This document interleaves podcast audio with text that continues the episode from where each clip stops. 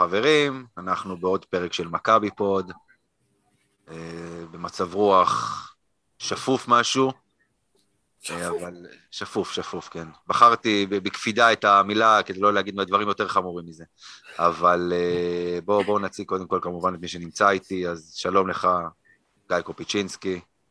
אהלן, למה שפוף? אנחנו אחרי ניצחון הפעם דווקא, אתה יודע, ניצחון הירואי על באר שבע.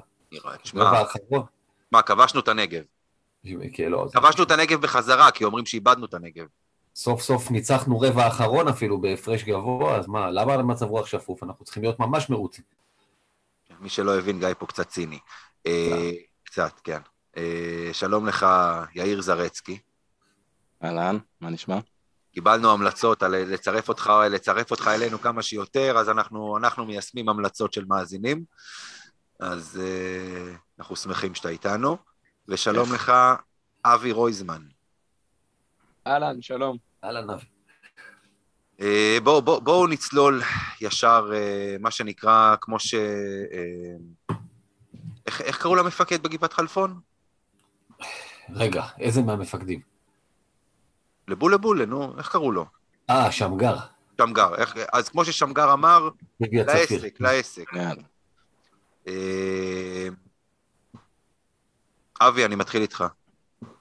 כן. ספר לנו בבקשה, מה דעתך על מעמדו של אה, יאניס פרופולוס? אה, טוב, תראו, האמת אמרתי את זה כבר לפני בערך שלושה משחקים, אני חושב אחרי ההפסד לצסקה. אה, הייתה איזו תחושה שכאילו הניצחונות היו לנו השנה לא היו יאניס, וההפסדים היו יאניס.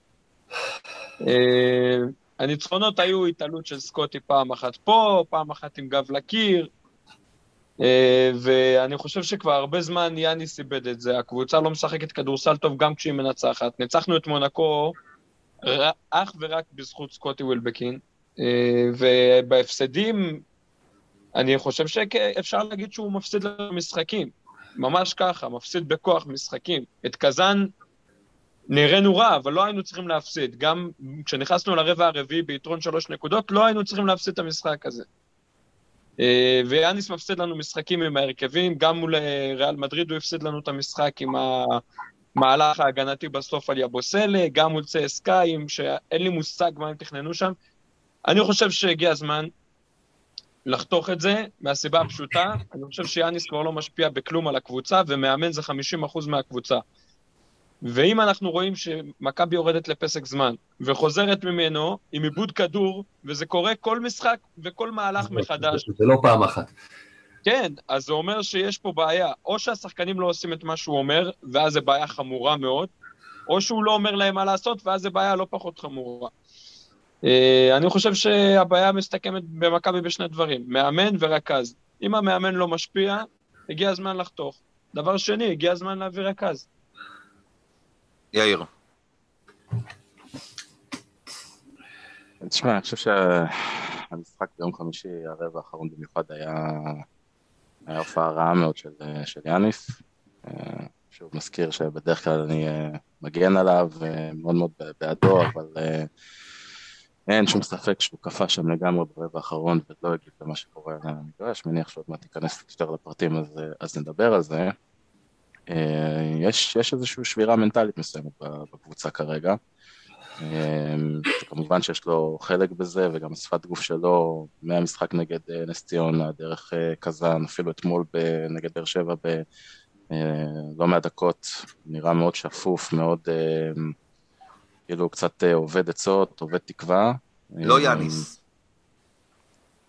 כן, בדיוק. נראה לא יאניס. לא, נכון, ממש נראה לא, לא, לא כמו עצמו. אה, מצד שני, לגבי המעמד, אתה יודע, בסוף השאלה של, אתה רוצה לעשות איזשהו מהלך כמו, ש, כמו שאבי הציע ולפטר אותו, מה המטרה של מהלך כזה? זאת אומרת, אני, אני לא חושב שיש כרגע בחוץ מישהו ש, שמכבי, אני לא מתיימר להיות מבין מאוד מאוד גדול בשוק של המאמנים או שחקנים באירופה או בעולם בכלל. אמ, האם יש מישהו שמכבי הייתה לוקחת בקיץ, אם הוא פנוי לשנה הבאה? שאלה ככה שאני זורק לאוויר, מישהו יודע להגיד? זאת הבעיה. כשאני מנסה לחשוב על מאמן בשוק, אני לא מוצא, אני, האמת, שוב, אני גם לא מכיר. בטוח יש איזה מאמנים, אה, גם מכבי בכדורגל הנחיתה מאמן שלא חשבתי שפתאום הם המציאו שם. יש את דושקו אני איבנוביץ'. מאמין שיש מאמנים טובים. אני אומר, אני מאמין שיש מאמנים טובים, אבל כשאני מנסה לחשוב ברמה של הש... מה השאיפה של מכבי, לאיזה מאמן נביא? נביא עוד אה, תואם אה, נבן ספחיה? אנחנו נשארים זה- באותו מקום. אז, אז, אז זה בדיוק מה שאני, מה, שאני, מה שאני אומר, אני לא, אני לא לגמרי מבין מה תהיה המטרה של מהלך כזה, כי אם אנחנו אומרים, אוקיי, בוא, בוא ננסה להתאבד בכוח על העונה הזאת ונקבול את עצמנו באיזשהו מקום למאמן שיהיה פה גם שנה הבאה והוא לא ברמה המספיק טובה, אז מה עשינו בזה? כי אני, אני לא חושב שאיזשהו, שיש מאמן שמכבד את עצמו, שיסכים לבוא לחצי עונה בלבד. אני לא רואה את זה קורה. אה, אז השאלה היא מה המטרה של הדבר הזה, כי בסוף אני חושב שצריך לחשוב על, ה, על מה, מה קורה עם המהלך הזה ב, בסיומו, בין אם עלינו לפלייאוף השנה או לא עלינו לפלייאוף השנה. גיא.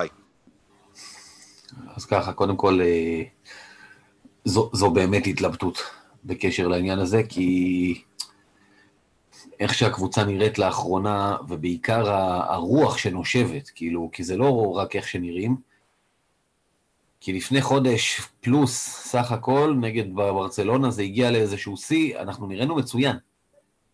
זה לא שזה היה מקרי, הקבוצה שיחקה כדורסל טוב, זה המשיך בוויטוריה, אתה ראית פתאום איזושהי טביעת אצבע של יאניס.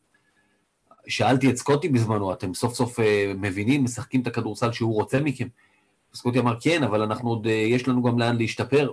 הכל היה נראה הרבה יותר אופטימי, ו... ו- אתה אומר, זה אה, כאילו שכחנו כולנו, זאת אומרת, אנחנו, לא אני, הם, השחקנים שכחו לשחק, יאניס שכח לאמן, וכל זה קורה בחמישה שבועות בערך, ו- ולי, באמת, אני לא איש מקצוע, אין לי תשובות ללמה זה קרה, אני מחפש את זה בגורם החברתי. אז זו באמת התלבטות, כי באמת שאני ראיתי, אתם יודעים, אה, שאתה רואה את ההתבזות הזו בנס ציונה, ואתה רואה את הרבע האחרון במדריד ואת הרבע האחרון מול קזאן, ואתה אומר, אין פה שום טביעת אצבע והקבוצה נראית הכל מקרי, אתה רוצה, אתה פשוט רוצה להגיד, תעלו אותו עכשיו על המטוס הראשון. אה, ומצד שני, זו יוון, אפשר גם באונייה, אז זו בהחלט התלבטות. אפשר גם בחסקה, תלוי בגאות. תלוי בגאות, אפשר עד לקפריסין ומשם לתפוס טרמפים.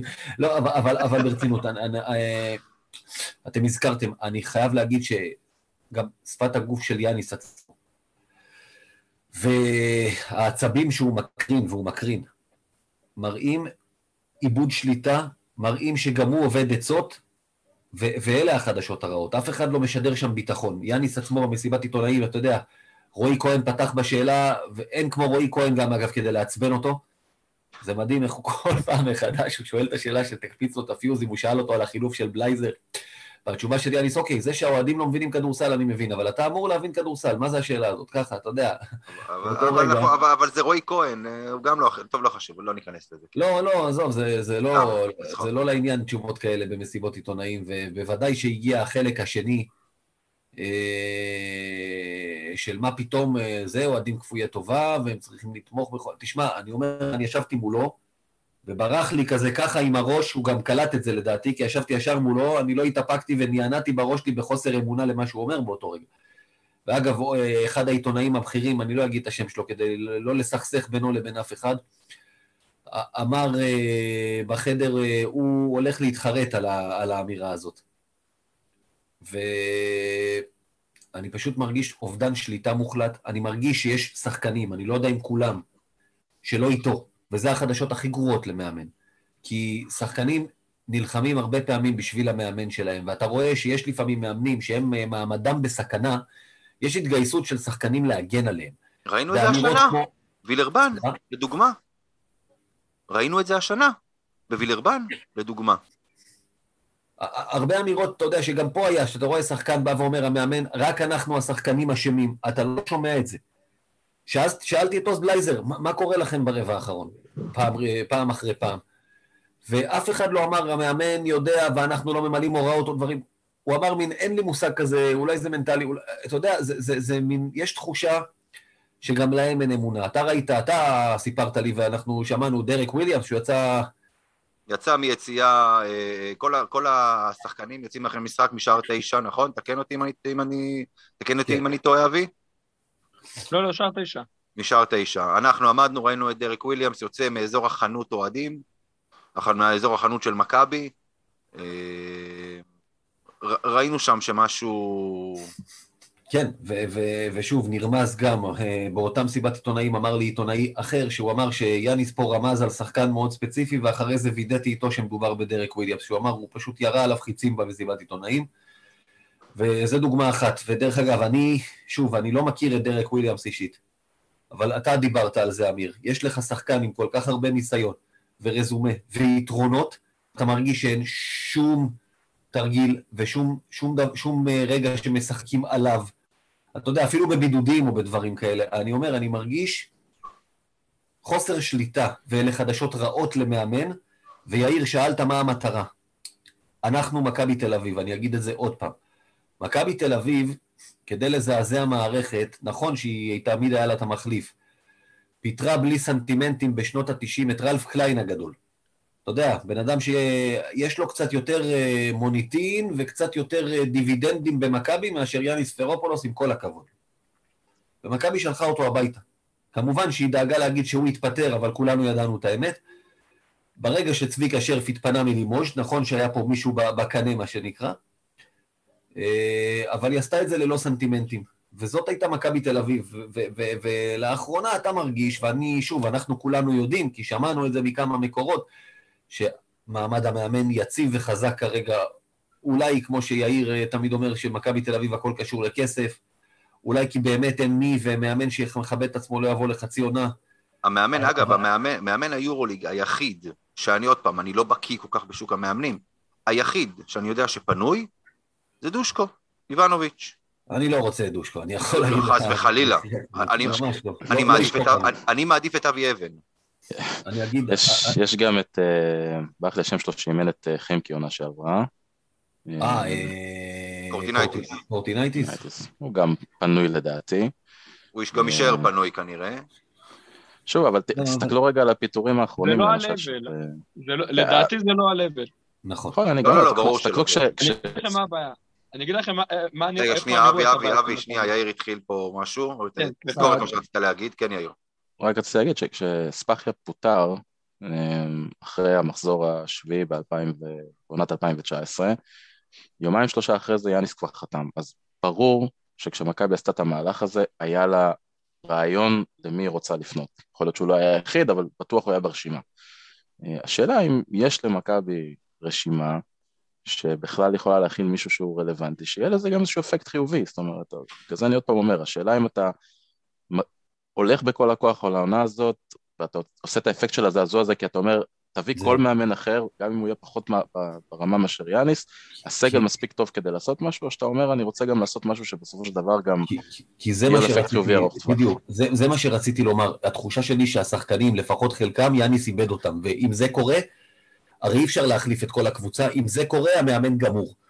והשאלה, אתה יודע, לפעמים אפקט הזעזוע, ואבי, אנחנו מכירים את זה מהכדורגל, אפילו שנה שעברה, שדוניס, לא הבינו אותו השחקנים, והביאו את ון לאוון, שראינו אחר כך שמאמן ברמה גבוהה הוא בטח לא. אבל האפקט של הזעזוע גרם לשחקנים, איך להגיד, להזיז את התחת ולהתחיל לרוץ יותר, ולהתחיל, אתה יודע, לפעמים גם זה עושה משהו. והשאלה מה אנחנו רוצים מהעונה הזאת, והאם אנחנו, מישהו פה, מישהו פה מאמין, שבעבר היו הרבה שאומרים כן, היום אני כבר לא יודע, שיאניס פרופולוס יכול להציל לקבוצה הזאת את העונה. יכול לה- להביא את מכבי תל אביב לאן שהיא רוצה. אני. מאוד מאוד סקפטי. אוקיי, אבי, תגיד מה שרצית להגיד קודם, ואחרי זה אני גם אה, אגיד את ה- את המשנה שלי. כן, אני אומר, אני חושב ש... כמו שיאיר אמר, בסופו של דבר, כשמפטרים מאמן, אנחנו צריכים ל- ל- לחשוב לאן מכבי שואפת. אה, כשיאניס הגיע לפה, אני דווקא הייתי מאוד אופטימי, בגלל שהביאו שם של מאמן. נבן ספחיה, עם כל הכבוד, הוא לא היה שם של מאמן, עם כל הכבוד לרקורד שלו. אה, יאניס, לעומת זאת, זה מאמן שהוביל את אולימפיאקוס לגמר יורוליג, והוא הגיע לפה, אמרתי, סוף סוף הביאו לנו מאמן טופ יורוליג, סוף סוף יש לנו מאמן שהוא ברמה של השמות של המאמני יורוליג. ואני אומר, בסופו של דבר, אתם הזכרתם פה שמות שבעיניי הם לא רלוונטיים, כי מכבי צריכה לחשוב מה השאיפות שלה, היא רוצה להיות קבוצה בינונית, שעושה פלייאוף אחד בשבע שנים וגם בואי לא משחקת בגלל קורונה, או שהיא רוצה להיות קבוצה תחרותית. אנחנו קבוצה לא תחרותית כבר שבע שנים, מאז הזכייה, מכבי פשוט לא תחרותית ביורוליג. איך שלא נהפוך את זה.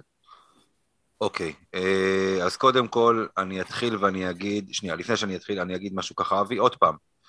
אתה אומר את זה, אבל בואו נזכור, עונה אחרי הזכייה היינו בפלייאוף, היורוליג היה ב, עוד פעם, במבנה שונה, אבל היינו בפלייאוף. את עונה 19... והפסדנו אליפות בסדרה בצורה ביזיונית בסיום אותה עונה. לא משנה, מדברים, עוד פעם, מדברים, מדברים יורוליג. אה, עונה 19-20, אני מצטער, אני לא אוהב ששוכחים אותה. לא שכחתי, אמרתי פלייאוף אחד, שגם בו לא שיחקת. בסופו של דבר, אוהדים בני 13, 14, שהם אמורים להיות הבסיס הבא שלך, לא יודעים מה זה פלייאוף למכבי תל אביב. ואם אתה רוצה להיות קבוצה בינונית, אז אה, תמשיך ככה, ולא יהיה לך אוהדים. הרי בסוף הבסיס אוהדים גם בנוי על ההצלחות. בוא, בוא, עזוב, הלכת רחוק עכשיו, כי עוד פעם, כי אנשים בארץ לא יתחילו לאהוד את אה, ריאל מדריד בכדורסל, תמיד יהיה פה את מכבי תל אביב, אבל עזוב, עזוב. לא יעדו כדורסל, לא יעדו כדורסל. המפעל של שמעון אה, יימחק, חלילה. אתה הלכת... שוב, אי אפשר לברוח, אי אפשר לברוח מזה שמכבי נמצאת ב... בסיטואציה לא, לא טובה מבחינתה, לאן שהיא הולכת. היא צריכה להבין מה, מה הכיוון, לאן המועדון רוצה ללכת. הוא רוצה לשאוף להיות מועדון טופ, אז גם צריכים להשקיע יותר כסף. אוקיי. ואם טוב. הם לא יכולים, זה בעיה. אוקיי, אז אני עכשיו, אני אמשיך ואני אגיד כמו שיאיר אמר. אני הייתי אחד מהסנגורים של יאניס, ואני חשבתי שהוא מתאים לאמן את מכבי, ושהוא צריך להישאר במכבי, ושיש לו את היכולות להצליח במכבי ולה, ולהצעיד את מכבי קדימה. אצלי משהו התהפך בנס ציונה. לא ההפסד לנס ציונה, אלא צורת המשחק בנס ציונה. ואיך שהפסדנו ואיך שנראינו בנס ציונה. אה, משהו, מה שנקרא משהו נשבר. ואחרי קזאן, מבחינתי נגמר הסיפור, ויאניס, עם כל הכאב, כי הוא אדם מקסים, אדם נהדר, אבל הוא לא צריך להישאר במכבי. אלא אם כן באמת הוא יכול, ואני אני אחזור בסוף למה שאתה שאלת, גיא, אם יאניס יכול להציל פה משהו, אה, אבל יאניס טועה יותר מדי, הרבה יותר מדי. ואני אמרתי את זה וכתבתי את זה, וכל מיני דברים שלי לא ברורים. נלך חודש אחורה, נלך לרצף הניצחונות. ננלי בעמדה 2 מקבל כדורים עם הגב לסל לעשות פוסט-אפ על שחקנים נמוכים יותר ממנו. מישהו ראה את זה במשחקים האחרונים? מישהו ראה את ננלי במשחקים האחרונים? עזוב, הוא ראינו... הוא חזר לעמדה 3. ראינו אותו מאבד. הוא חזר לעמדה 3 ונעלם. ראינו את ננלי מאבד, מחטיא, אה, דברים כאלה. שם ראינו את ננלי. ננלי בעמדה, ש... ננלי צריך לשחק בעמדה שלוש, אבל לא לייצר, לא ליצור, לקבל כדורים עם מבט פנוי לסל ולזרוק. גיא, אתה אמרת את זה קודם, שאני הזכרתי את זה בעבר, דרק וויליאמס. יכול לעשות סל בכל דרך אפשרית. הוא יכול לזרוק, הוא יכול לקלוע מבחוץ, הוא יכול לחזור לסל, הוא יכול לקבל כדור עם הגב לסל. שום דבר מהדברים האלה לא קורה. אבל כלום. עד שזה נראה כאילו שלא נמאס והוא לוקח את הכדור, אתה יודע... עם הראש בקיר, כן. עם הראש בקיר, בלי קשר גם, אה, בלי קשר לתרגיל או בלי קשר לכלום, כאילו נמאס לו כזה, כמו הארס בשכונה שלא קיבל כדורים, כמה התקפות, בא לוקח את הכדור. אין משחק. לא, אני הולך, יאללה, כוסומו לא מוסר לך עכשיו. משהו כזה, זה ככה זה משהו נראה. בסגנון, משהו בסגנון. ועוד פעם, משהו שאני, אני, אני, באמת, אני, אני כמו התוכי של בזק בינלאומי, כמו שלום אסייג, אבל, אבל זה מעצבן אותי כשאני רואה את סגנון המשחק ואיך לעזאזל בקבוצה שנבנתה בצורה כזו אתלטית, אין fast break, אין משחק ריצה, אין, זה לא קיים בכלל. ש... אני, אנחנו... אני חושב שהכדורסל של יאניס לא מתאים לקבוצה הזאת, וזה כל פעם גורם לי לעלות... אבל ראינו את זה, גיא, לפני חודש ראינו את זה. זה היה שם. תשמע, חלק מהזמן... גיא, מי בנה את הקבוצה?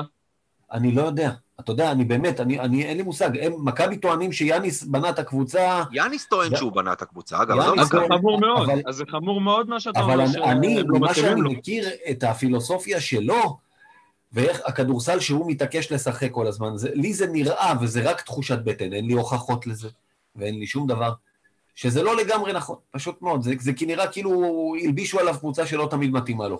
כן, אבל, אבל תראו, עוד פעם, אם זה היה איזשהו מאמן מתחיל, לא. אז אני בא ואני אומר, הקבוצה לא בנויה לפי המאמן... תשמע, זה מאמן שבכל זאת יש לו איזשהו, איזשהו ניסיון. המאמן הזה בסופו של דבר אימן גם את הקבוצה מלפני שנתיים. שנכון, יש, יש קווי דמיון, אבל יש גם דברים שונים. הקבוצה שלפני שנתיים הייתה רצה על המגרש. חלק מהזמן, כן, כן. הרבה יותר ממה שקורה העונה הזו. גם כשלא היה לך רכז, אגב, גם אחרי שוולטרס נפצע. סגנון המשחק, קטסטרופה. פשוט לא ניתן לצפייה. וכש, וכשזה קורה לך עם קבוצה מפוצצת בכישרון, והקבוצה הזו מפוצצת בכישרון ואי אפשר להגיד שלא, אז משהו פה לא, משהו פה לא בסדר, ומשהו פה לא מסתדר. ולגבי עניין של מחליף, עוד פעם, אני לא בקיא במיוחד בשוק המאמנים. אני לא חושב שצריך להישאר עם יאניס, רק כי אין ברירה. כן. לא חושב. אני חושב... מה? לא, תמשיך, אה. אז אני אגיד. צריך להחליף את יאניס? לא משנה במי. למצוא מאמן, כן, גם אם אין לו ניסיון, ניסיון יורוליג, אבל מאמן מנוסה. וכאלה אני בטוח שאפשר למצוא. ותמיד יש את האופציה לעשות מה שעשתה ירושלים, ולהפוך את וויצ'יץ' למאמן של הקבוצה, ואז או שאתה יוצא גדול ופתאום יש לך מאמן, או שאתה נפטר גם ממנו, ואני יודע שהרבה אנשים יהיו מרוצים מזה, זה סוג של אה, כיפה אדומה כזאת. כמו שבזמנו גולדהר עשה לנימני, שהוא שם אותו בתור מאמן. אתה, אתה, אתה מנקה גם אותו על הדרך. ג'ורדי כאילו, קרויף. יש לי, בדיוק. יש לי תחושה גם שניקולה. וויצ'יץ' אה, קצת חכם יותר מאשר כמה אלפרין, משמעית. אה, נגיד, אה. מסור למועדון שהוא עובד בו כרגע. חד משמעית, ניקולה וויצ'יץ' בחיים לא ירצה לעשות את הדבר הזה. אין שום סיכוי שזה יקרה. אני מסכים איתך, אני, זה, זה היה מה שנקרא רק אה, הלצה, ולרגע אין לי ספק שהוא לא יסכים לכזה דבר, כמו שאתה אומר, הוא חכם מדי. אה, טוב, עוד משהו אנחנו רוצים לדבר על אה, מעמדו של יאניס? נראה לי מיצינו. כן, כן. מיצינו את יאניס ומיצינו את השיחה. טוב, אז תודה, ש... תודה שהייתם איתנו, אה, ניפגש שבוע הבא. לא, סתם. אה, טוב, בואו עכשיו נדבר על הסיפור שצץ היום ברשת, אה, היום בבוקר, הסיפור של יפתח זיו וננלי אחרי, אה, אחרי המשחק נגד נס ציונה, הדיווח של הרלה וייסברג, נגיד. דיווח ניתן של הרלה וייסברג, נכון, מגיע לו גם הקרדיט. מה, מה אנחנו עושים עם הדבר הזה? מה אנחנו עושים עם, ה- עם השחקן הזה שנקרא ג'יימס ננלי? זהו, ש... אני ש- יכול רק להעיר הערה קטנה? לא. כן, גיא. מה, נו, אבי, דבר. אה, פשוט אני ראיתי היום בטוויטר שננלי צייץ איזה... כמו. הזקנים האלה בפייסבוק, הוא צייץ תמונה כזאת של אה, משפט אה, מוטיבציה, ומישהו שם הגיב לו שאני לא מאמין למה שקראתי עליך באינטרנט, אז הוא אמר לו, כן, זה הכל, ש... כאילו, הוא אמר לו הכל שקרים, הכל אה, זה. באינסטגרם, אגב, ננלי הכחיש את הסיפור הזה, כן? אז גם בטוויטר, אני אומר, גם בטוויטר הוא צייץ, הוא הגיב למישהו שזה לא קרה, וזה סתם עיתונאים שמחפשים, ו... אהה. אתה יודע, אם היה מדובר על אה, כל מיני אתרים מסוימים, אני מכיר יום או יומיים, ושאני צריך לבחור פה למי להאמין, אני מאמין להרלה, ואני שוב, אין לי, אין לי שום מידע לכל העניין הזה, אבל הדברים... מה אני אגיד לך? קודם כל זה דברים שצריך, לה- אתה יודע, לי זה הזכיר את הסיפור, אתה יודע, בגלל שאנחנו בתקופה רעה, זה הזכיר לי את הסיפור עם מוטי דניאל ודייוויד אנקרם, שקרה ב... קרה בשנה ש... שאבי היה בערך בין מינוס שבע, משהו כזה, זה, זה בערך הזמן, אבל, אה, אבל אה, ששחקן עם אגו ושחקן אחר, דווקא במקרה הזה ותיק, לא יפתח זיו, שנמאס לו מהמניירות של הכוכב והלך ללמד אותו לקח. מצד שני, אתה יודע, שחקנים באימונים, מתחממים, אלה דברים שקורים, ובזמנו, הנה, הזכירו לי היום שדייוויד בלו ומייסי אובסטון הלכו מכות ב-2004 או משהו כזה באימון של מכבי. ווואלה, הקבוצה הצליחה, אתה יודע, לא קרה שם שום דבר, זה קורה לפעמים. איך מייסי או בסטון נשאר שלם, דיוויד בלו הסוס הזה. גם כן. בסטון לא בדיוק בחור קטן, אתה יודע, זה לא, זה, זה כנראה הופסק מהר, אבל זה קרה באלף קבוצות ספורט, ולפעמים זה דווקא יכול להיות טוב להוציא את האגרסיות האלה, אם, בתנאי שאחרי זה לוחצים ידיים ופותרים את הבעיות. אתה יודע, יש את הסיפור, אומרים שיפתח אמר לו שהוא סוג של סרטן, ושאומר לו, מה, נמאס כבר מהגישה שלך או משהו כזה. אגב, זה נחמד, זה אולי אם הוא סרטן בחדר הלבשה, זה אולי, אה, אתה יודע, עכשיו אפשר, שי סידי יוכל לקרוא לו סרטן ענן לי או משהו כזה, זה דווקא... לא, לא, פחות. יהיה הגימיק החדש שלו, אבל בסדר. השאלה רק לאן זה הולך, אם זה באמת, איך אומרים, מכיר עוד יותר את כל האווירה שם, או שהם ידעו לצאת מזה כמו שקורה בהרבה מקרים, ואז לא צריך לעשות מזה סיפור גדול. אני חושב שזה, הדיווח של, אה, של ארל, אני, אני קראתי את הכתבה עצמה, הוא היה קצת מנותק מקונטקסט, זאת אומרת, לא, לא היה שם יותר מדי פרטים על למה זה קרה, ומה היה הרקע לזה, חוץ מאשר העובדה שהם uh, רבו באימון ושיאני זרק, את שניהם. בתקופה כזאת ש, שהקבוצה רק מפסידה ונראית מאוד לא טוב, ושחקנים נראים חסרי ביטחון, uh, כמו שגיא אומר, יכול להיות שהדבר הזה גם מראה קצת על, על אכפתיות, על שחקנים שזה לא עובר לידם, וכן מחפשים איפה... לפרוק קצת את, ה, את התסכול שיש להם, וזה לפעמים יוצא קצת אה, אחד על השני. אז השאלה באמת, למה זה קרה, ואני לגמרי מסכים עם גיא, השאלה גם איך יוצאים מזה. זאת אומרת, אם עכשיו זה שני אנשים שלא, לא שיפתח זה משחק יותר מדי, אבל לא מסוגלים לדרוך ביחד על, אה, על מגרש ו, ולעבוד ביחד, אז, אז זה בעיה. אם מסיימים את זה, מסיימים את זה מאחוריהם, לוחצים ידיים, אולי מזמינים את הקבוצה לאיזה ארוחה, ארוחת גיבוש כזאת, אז זה יכול להיות גם משהו חיובי. אבל זה לא רק זהו, זה, זה העניין. אתה יודע, יש כל מיני דיווחים שהרבה שיבחו את יפתח על מה שהוא אמר. אם זה שחקן אחד שמרגיש גם שכולם נגדו, זה לא רק, אם זה אחד נגד אחד, בדרך כלל זה נפתר. אם זה הופך לכל מיני מחנאות וכל מיני כאלה, וזה הולך איתו וזה הולך עם ההוא, ואז זה לא רק שני שחקנים שלא דורכים על אותו מגרש, אלא שתי מחנות שאחד לא מדבר עם השני, וזה גומר לך את הקבוצה. אני מקווה מאוד שזה לא הופך לדבר הזה. כן, סמוך על מכבי שאם דבר כזה קורה, מזמינים בדיקת סמים והעניין נפתר. טוב שיש את הפתרון, מה שנקרא. כן. מה, הם מכירים איזה מכון סמים בטח, מכון לבדיקה, הכל בסדר. כן. כן. אה, אה, תשמע, אתה צוחק יאיר, כן, אבל אני יכול להגיד לך שבקבוצת הפייסבוק שלנו, השם סוני ווימס עלה היום לא מעט פעמים.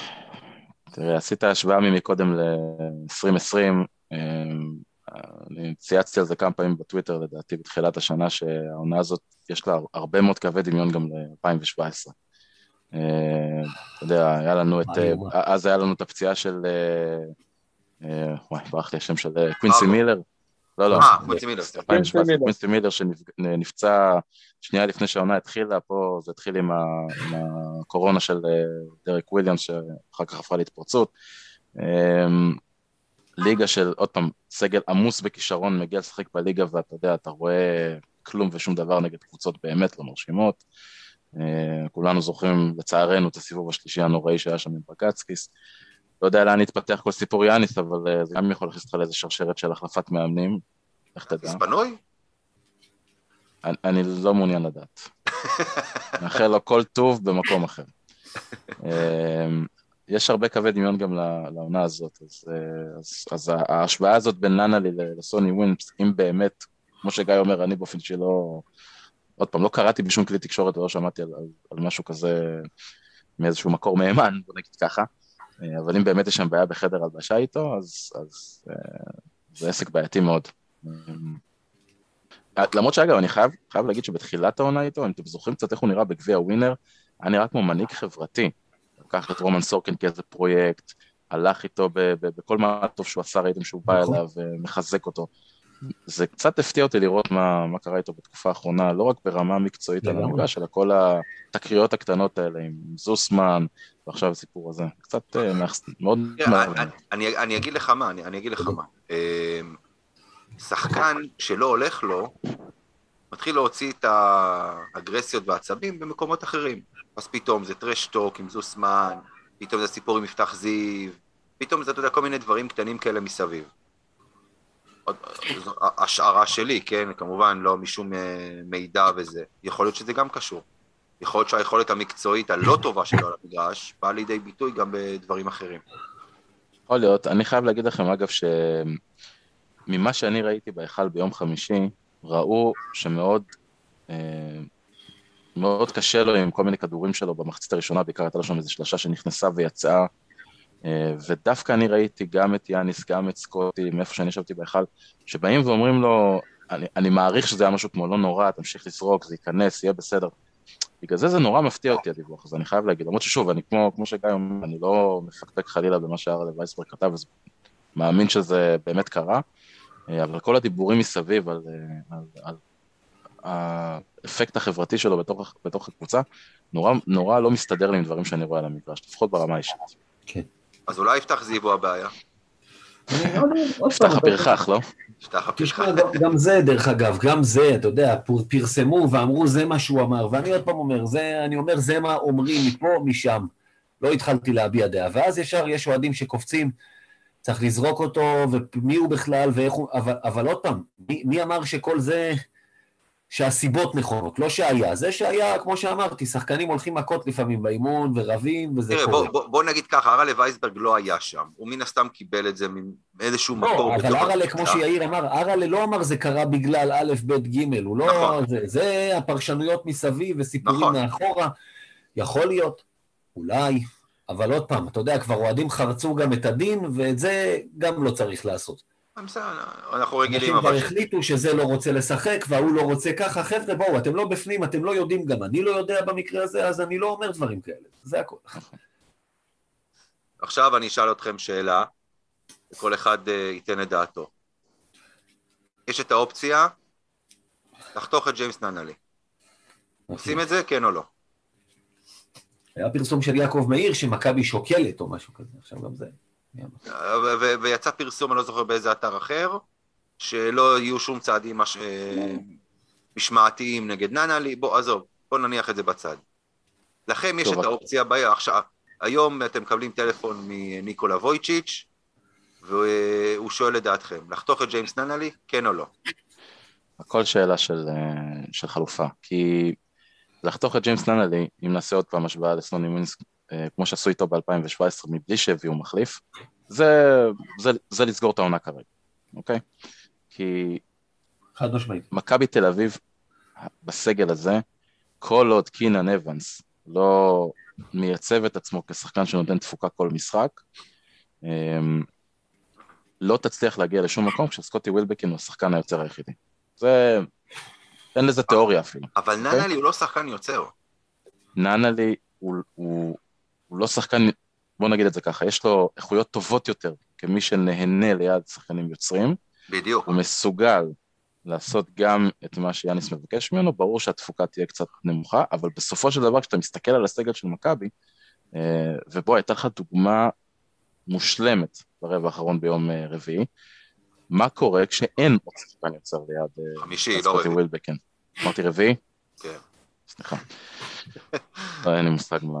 יום חמישי. אה, אני מתבלבלים. כנראה רוצה פשוט לשכוח מהמשחק הזה. אמ, אז הייתה לך דוגמה מושלמת ביום, אה, ביום חמישי, מה קורה כשרק סקוטי וילבקין הוא שחקן היוצר של מכבי תל אביב. אתה לא תגיע לשום מקום ככה. אה, אז אם אתה יכול עכשיו להביא שחקן יוצר, וזה גם לא משנה באיזה עמדה, אחת, שתיים, שלוש, לא חשוב, העיקר תביא שחקן שיש לו איום משולש, של זריקה מרחוק, של חדירה לסל, של מסירה, אמ, אז יש על מה לדבר. אם אין לך כוונה, לך הכוונה למכבי תל אביב, אם אין, אם אין למכבי תל אביב כוונה להביא מחליף, או שאין לשחקן מתאים ברמה, אה, לדעתי, לדעתי אין, אין טעם. אבי, אה, תשמע, אני אגיד את זה יותר מזה, הרי אנחנו, יש לנו זיכרון קצר, אבל אה, ברצף חמשת הניצחונות, אה, ג'יימס ננלי היה אחד השחקנים הכי משמעותיים, אם לא ה... אה, ואני חושב שכמו שאנחנו עכשיו בתקופה רעה ועשינו תקופה טובה, התקופה הטובה היא מוכיחה שאנחנו יכולים לשחק טוב, גם עם ג'יימס ננלי. אני, יש לי הרגשה שזה דברים שלא קשורים לכדורסל, כשלא הולך, קודם כל שום דבר לא הולך, ואז מתחיל להיות בלאגן, ואז כל הסיפורים צצים. הרי אם היינו מנצחים ביום חמישי את קזאן, אף אחד לא היה שומע על הסיפור של, אה, שוב, אם היינו מנצחים בצורה מרשימה, אף אחד לא היה שומע על הסיפור של ננלי. גם אם אה, היינו מנצחים בנקודה. כן, אתה יודע, אז בוא נגיד שאם היינו מנצחים כמו שניצחנו את באר שבע, האמת שביורוליג זה שונה, כי ביורוליג לא משנה, המשמעות היא הניצחון, אבל כן, אה, יש, אני מתכוון, אם היינו מנצחים והאווירה הייתה של ניצחון, אז אף אחד לא מדבר על זה. בסופו של דבר, כולם מדברים על תקופה רעה, כי זה שום דבר לא הולך ומחפשים במה להתעסק. אני לא חושב שאפשר, שצריך לחתוך את ננלי. שוב, כמו שיאיר אומר, אלא אם כן יש לך פה על הספסל איזה, על המדף איזה שחקן שאתה יכול להביא, ואני לא חושב שיש מישהו כזה. אה, ובסופו של דבר ננלי הוא אחד השחקנים המשמעותיים של מכבי. צריך לחזור לשחק כמו ששיחקנו איתו ברצף חמישה ניצחונות, כי זה עבד טוב מאוד, והוא היה השחקן אחד הטובים בקבוצה. אני לא מבין מה השתנה. אני לא מבין מה השתנה אצל יאניס בעיקר, שפתאום אה, הוא מתחיל לזרוק זריקות לא הגיוניות. ולמה לא לייצר, אם יש לך את אחד השחקנים, את אחד הקלעים הטהורים הכי טוב בליגה, ואין ספק שאם הוא היה משחק עכשיו בקבוצה כמו צסקה או פנרבכט, שהוא היה קולע ב-40-50 אחוז לשלוש, זה הרי ברור, אז למה לא, למה לא לסדר לו תרגילים? אתה יודע שהוא יכול לעשות את זה. תסדר לו תרגילים, הוא, יקל, הוא יקלע שתיים, שלוש שלושות חופשיות, ואז פתאום נדבר אחרת לגמרי. זו, אבל, אבל זה בדיוק, אתה יודע, עוד פעם, זה מתחבר למה שאמרתי. למה שאני אגב, כנ"ל ג'יג'י. כנ"ל ג'יג'י, יש לנו סנטר עם יכולות התקפיות באמת מהטופ של אירופה, כל פעם שמשחקים עליו, הוא עושה מה שהוא רוצה בצבע, בטח השנה. אז למה לא משחקים עליו, ואז מתלוננים שהוא עושה הגנה, שוב, ושהוא נראה כמו... שוב, לחזור חודש אחורה, לראות את המשחקים נגד בסקוניה, לראות את המשחקים נגד ברצלונה, נגד ג'לגיריס, נגד פנתנייקוס, לראות מה היה שם, מה מכבי עשתה. שם אז הכניסו כדורים פנימה לרנוס ולזיזיץ', וננה נכנס פנימה גם, ופשוט, שם שיחקנו כדורסל. ומה השתנה? ז, זאת שאלת מיליון הדולר, מה שנקרא. וכשמדברים על שאלת מיליון דולר, אז עוברים לגיא. כן, גיא. לא, לגבי ננלי, אני חושב שוב, אני, אני מאמין בשחקן הזה, כי הוא שוב, הוא שחקן מוכח. אתה יודע, לא, לא ילד ולא אחד שלא עשה שום דבר. הכל שאלה של איך שמנצלים אותו, וגם ככה, מכבי תל אביב יש לה את סקוטי, שהוא שחקן טופ יורוליג, והאחרים, עם מה שיש לנו שדומה, או מתקרב לרמות האלה, זה דרק וויליאמס, ג'יימס ננלי, אנטה ז'יז'יץ', אולי קצת ג'יילן ריינולדס. כמו שיאיר אמר, יותר טובים מהם אלה שחקנים שכבר חתומים בקבוצות אחרות, או כאלה שב-NBA ולא רואה אותם מגיעים בקרוב או יעלו הרבה כסף שמכבי לא תשלם. אין לך מישהו יותר טוב מג'יימס ננלי להביא, כל החוכמה היא להפוך שחקנים כאלה לחלק אינטגרלי וטוב מהקבוצה שלך, ולא לאבד אותם בדרך. ואחרת, אם לא, זה כישלון של מערכת. וקבוצות אחרות ידעו גם לעשות את זה עם ג'יימס ננלי. כישלון של מאמן.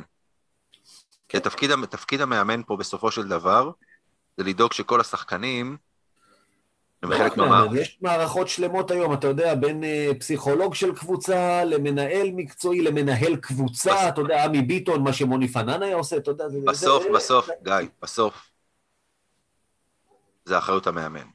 יש את כל המעטפת מסביב, אני מסכים. בסוף, מי שנמצא עם השחקנים האלה הכי הרבה זה המאמן. והוא זה שצריך לדאוג לכל הצרכים שלהם ולכל הדברים האלה, עוד פעם, מבחינה מקצועית. הוא זה שצריך לבוא ולראות למה ג'יימס ננלי נראה כמו שהוא נראה על המגרש.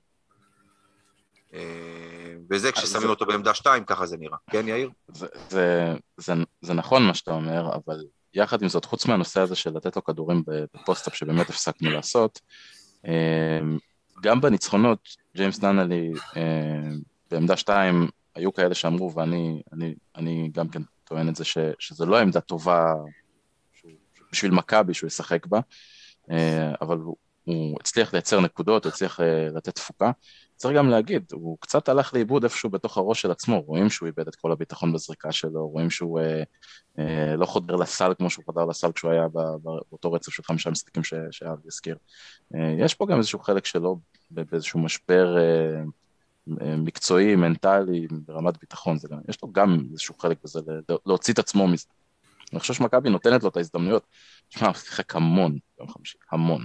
אבל, אבל יאיר, הוא שיחק המון, זה נכון, אבל בתור מה? בתור מה? אתה, אתה יודע, עוד פעם, אני... אני... תסתכל על הזריקות שלו, ותבדוק כמה, כמה זריקות היו מתרגיל או משלושה אבל סתם... אבל אלה אותם זריקות ואלה כן. אותם מהלכים ואותם דברים שעשינו גם כשניצחנו חמישה משחקים. לא, מה שאנחנו, מה שאנחנו חשבנו שנקבל מג'יימס ננלי כשהוא חתם בקבוצה, זה אנחנו, אני לפחות, אני אדבר על עצמי, אה, אני ראיתי בעיניים שלי את כל הזריקות שקלויארו בעמדה מספר 3 וזוסמן בעמדה מספר 3 קיבלו שנה שעברה בפינה לבד לגמרי, כשכל ההגנה מתכווצת על ה pick and roll של אה, סקוטי או קריס ג'ונס עם אחד הסנטרים שהיה לנו שנה שעברה, והם עומדים לבד לגמרי וזורקים אבנים פעם אחת, לבנ... לבנות פעם אחר פעם אחר פעם. אני דמיינתי בעיניים שלי שיעמוד שם ג'יימס ננלי וידפוק שלושה אחרי שלושה אחרי שלושה, ולא לא ראינו את. זה בשום, בשום שלב של העונה, אוקיי? גם כשהוא שיחק טוב, גם כשהוא כלל, לא ראינו את זה. כי הוא לא אומר, שיחק, הוא ב- שורד. כי הוא לא שיחק, אתה יודע מה? מקבל, כשהחתימו- אני מקבל, וזה החלק של יאניס, כשהחתימו את ג'יימס ננלי, כולם אמרו נכון? דבר אחד, מתאים, מאז דווין סמית לא היה פה מספר שלוש אמיתי. רגע, אבל, אבל צריך גם להגיד שגם בסופו של דבר אתה אומר שקלויארו היה מקבל כל פעם לבד, זה כי גם המאמן היריב היה יכול להמר על זה. אף מאמן יריב לא מטומטם כדי להמר על ננלי פעם אחת. אתה צודק, גיא, אם הייתי אותו, רואה... לא טיפשים. תקשיב, אם הייתי רואה אותו עומד בפינה, אבל מצד שני לסקוטי יש רחבה שלמה להיכנס אליה, ויש לו אפשרות להוריד כדור כשבאים אליו ויוצאים אליו לשניים, וז'יז'ט או רנולדס מקבלים כדור להצבעה יחסית קלה, הייתי אומר, אתה יודע מה, השגנו את המטרה. נכון, זה לא שלושה, אבל זה סל. אז אתה לא רואה גם את זה. זאת אומרת, הוא לא נמצא, בגלל שהוא לא נמצא בעמדה מספר 3 כמעט, וסקוטי יורד לעמדה מספר 1, ויאניס הולך להרכבים היותר גבוהים האלה, הוא לא נמצא במקומות שאנחנו רוצים שהוא יהיה בו, כמו שאמרתי, איפה שהוא יכול להיות הכי אפקטיבי בהם.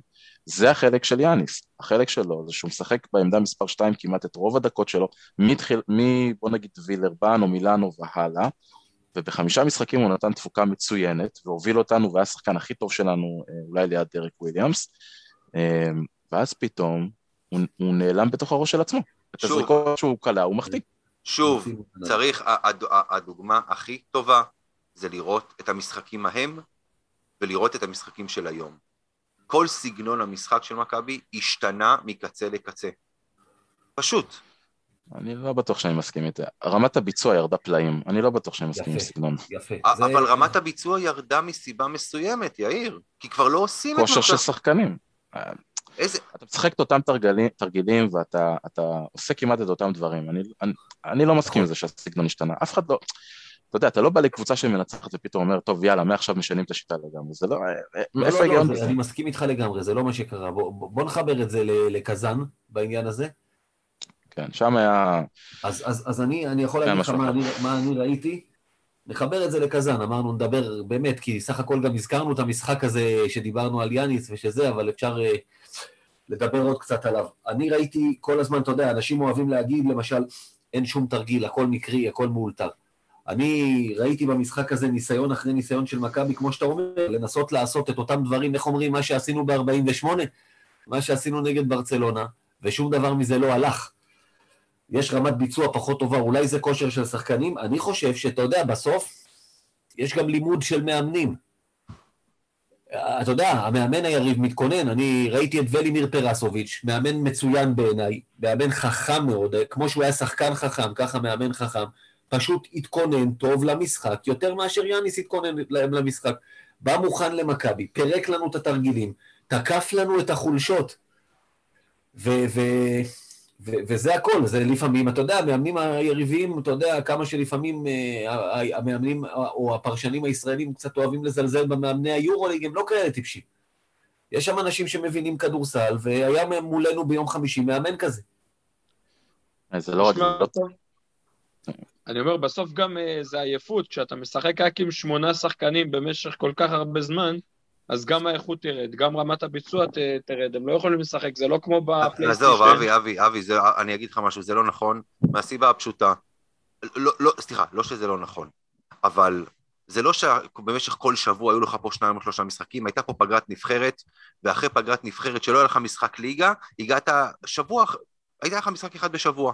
היה לך שבוע של להתאמן, לאיזה משחק זה היה?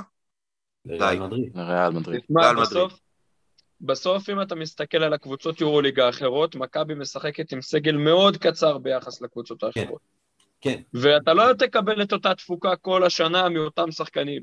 אתה צריך שיהיה לך, אני מסתכל על ביירן דוגמה, שזו קבוצה שאני גם עוקב אחריה, ופתאום יש שם שחקן כמו ירמז, שנותן לך את התפוקה, וזה לא רק כל היום אה, ויילר, ויילר באב וה- ולוצ'יץ', הם הכוכבים, אבל זה לא רק הם, פתאום אנדריאה סובסט עולה ונותן לך עשר נקודות, וזה דבר שאין לנו שחקן במכבי שעולה ופתאום, אין לנו יפתח זיו שפתאום עולה ונותן עשר נקודות. אין לנו אפילו לא יובל זוסמן שפתאום פעם ב נותן משחק טוב. אגב, תסתכלו, לגבי עניין סגנון המשחק, תשימו לב לכמות הזריקות של דרק וויליאמס, לדוגמה, במשחקים, נגד ברצלונה, נגד בסקוניה, נגד ג'לגיריס, נגד זה, ולכמות הזריקות במשחקים האחרונים, ותראו את הירידה. לא, לא את הקליעות, את כמות הזריקות. ותבינו עוד פעם, שמשהו פה השתנה. טוב, אה, אמרנו שאנחנו בקזאן. משהו שאני עוד פעם בא ואומר, נראה, נגד קזאן למשל, אני ראיתי את קלויארו שאוהבים להשמיץ, נלחם שם, קופץ, ריבאונדים, הכל. לפני חודש ראינו את כל הקבוצה, מזנקים על הפרקט. היום לא רואים את זה. מאמן. מאמן, יפה. זה, עוד פעם, זה מתחבר לכל הנקודה הזו. ההגנה ש... הקבוצתית, אמיר, אתה הזכרת את זה. נכון. איך לא, הייתה לא. נראית ההגנה הקבוצתית נגד ברצלונה? איך היא נראתה ביום חמישי? לא היה שום חיפוי, שום חיפוי. אני אגיד לך משהו, אני לא רוצה... אני לא רוצה לקחת את ברצלונה כדוגמה, כי ברצלונה מגיעה להיכל, זה וואו. צסקה מגיעה להיכל, זה וואו. ריאל מדריד... אני מדבר, בוא נגיד, על קבוצות המרכז טבלה, או ה... בסקוניה. מה? בסקוניה למשל. סבבה, אין בעיה, בסקוניה זו אחלה כן. דוגמה. כן, רואים בפירוש את ההגנה הקבוצתית, רואים בפירוש מה קורה אחרי שיש pick and roll, הגבוה יוצא לגארד, הגבוה שלנו, זיזיץ', לדוגמה, יוצא לגארד כדי לחפות, אף אחד לא בא לעזור לגבוה שלנו.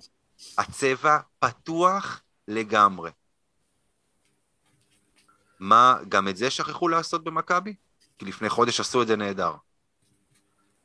הקלות המעליבה שלורנזו בראון תהיה לנו לסל שם פעם אחרי פעם, ו... תשמע, הם פשוט, זה, הם פשוט זה... פירקו אותנו עם ה pick and roll הזה, וז'יז'יץ' חזר ב, עם הרגליים בהגנה להיראות כמו הז'יז'יץ' הישן במשחק הזה. מצד, אבל מצד שני גם אתה יודע, כמה דקות זיז'יץ' שיחק ביום, ביום חמישי? מישהו יודע? מעט מדי, 19. 19 דקות, מעט מדי. מעט מדי. זאת אומרת, ומה ריינולדס עשה בדקות שהוא שיחק? יאניס קפא, יאניס קפא. ביום חמישי, דקות ארוכות, יאניס כאילו שיחק, כאילו הוא אומר לקהל, אתם שורקים לי בוז, אז יאללה, אני אדפוק אתכם. אתם רוצים, שורקים לי בוז על בלייזר, קבלו אותו רבע רביעי שלם. ככה התחושה אה, שלי הייתה. אני חושב שעל המשחק נגד קזאן, אין, אין מה לדבר על השלושה רבעים הראשונים, הרבע האחרון זה לדעתי כל הסיפור שם. אמ, כן, אתה יודע מה, אנחנו מדברים יאניס, יאניס, יאניס, אבל אמ, אני גם בא ואומר, איך יכול להיות שיש לו שלושה עוזרים על המגרש, ואף אחד מהם לא קם, ב, לא יודע מה, אזור הדקה הרביעית, חמישית של הרבע הרביעי, וניער אותו פיזית ואמר לו, הלו, אתה לא שם לב שאנחנו לא קולים בהתקפה, אתה לא שם לב שכל ההתקפות נתקעות באותו, באותה סיטואציה, אה, בוא תחליף, בוא תשנה, בוא תכניס, אתה יודע, כאילו... אגב, דיברנו על זה כל הזמן, מי, ש... מי שהצלחתי לדבר איתו במהלך המשחק, גם לפני הרבע האחרון, כל הזמן דיברנו על זה שאנחנו באיזשהו מזל, מזל וסקוטי, שעוד בשלושה רבעים החזיק אותנו, אנחנו במצב של שוויון. עד שהגיע גיא ועם המנחוס. אנחנו פשוט היינו פחות טובים בכדורסל. אצלנו הכל היה מאולתר בסופו של דבר. כן, בסדר, אבל... אבל... אבל גיא, זה, זה הבדל מובנה בין שתי הקבוצות. קזאן זאת קבוצה שיש לה שיטה שמזיזים את הכדור, כולם נוגעים בו. אה, אגב, זה גם למה היה לנו מאוד מאוד קשה איתם, כי אנחנו עם הקבוצה הזאת של מכבי תמיד נתקשה נגד קבוצה שיש לה משחק התקפה בסגנון הזה. אין מה לעשות, אין לנו קבוצת הגנה טובה. כן, אנחנו לא טובים. ברוטציות. לא, אתה פשוט שיחקת נגד יריבות שקל לך יותר להתמודד איתם, ולכן זה היה נראה יותר טוב. אבל לא כשנתקלת בקבוצה כמו הכוכב האדום למשל, ראית מה קיבלת. עזוב, עוד פעם, זה לא רק קבוצת התקפה שמניעה כדור, זה גם קבוצה שדיברנו על זה. כששיחקת נגד מילאנו, ראית מה קיבלת.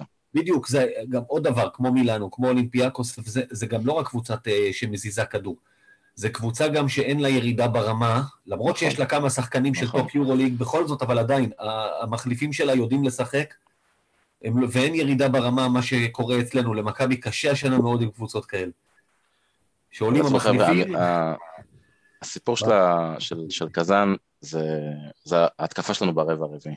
לא, כמה קלענו שם? שמונה נקודות ברבע הרביעי, אם אני לא טועה? שמונה עשרים ושתיים אמ, ברבע האחרון, כן. ואני רוצה להגיד לכם, רוצה רוצה להגיד לכם איך אני, איך אני ראיתי את ההתחלה הזאת. אני יושב בהיכל בשער 12, זאת אומרת שבמחצית השנייה מכבי תל אביב מתקיפה לסל שקרוב אליי. נכון. ובמקרה יצא גם שהפינה שקלויארו עמד בה כמעט כל התקפה היא גם הפינה שיותר קרובה לצד שלי. ואני אומר לכם שמה שקזאן עשתה זה דבר נורא נורא בסיסי, שכמעט כל קבוצה מנסה לעשות אה, נגד מכבי, וגיא אמרת מקודם שתקפו אה, את החולשות שלנו, אני אומר יותר מזה, פרסוביץ' הזמין את מכבי תל אביב ללכת לחולשות שלה, אוקיי? ומה שקרה זה שהתחלנו כל התקפה עם pick and roll של סקוטי אה, ווילבקין עם אחד הסנטרים שהיה על המגרש,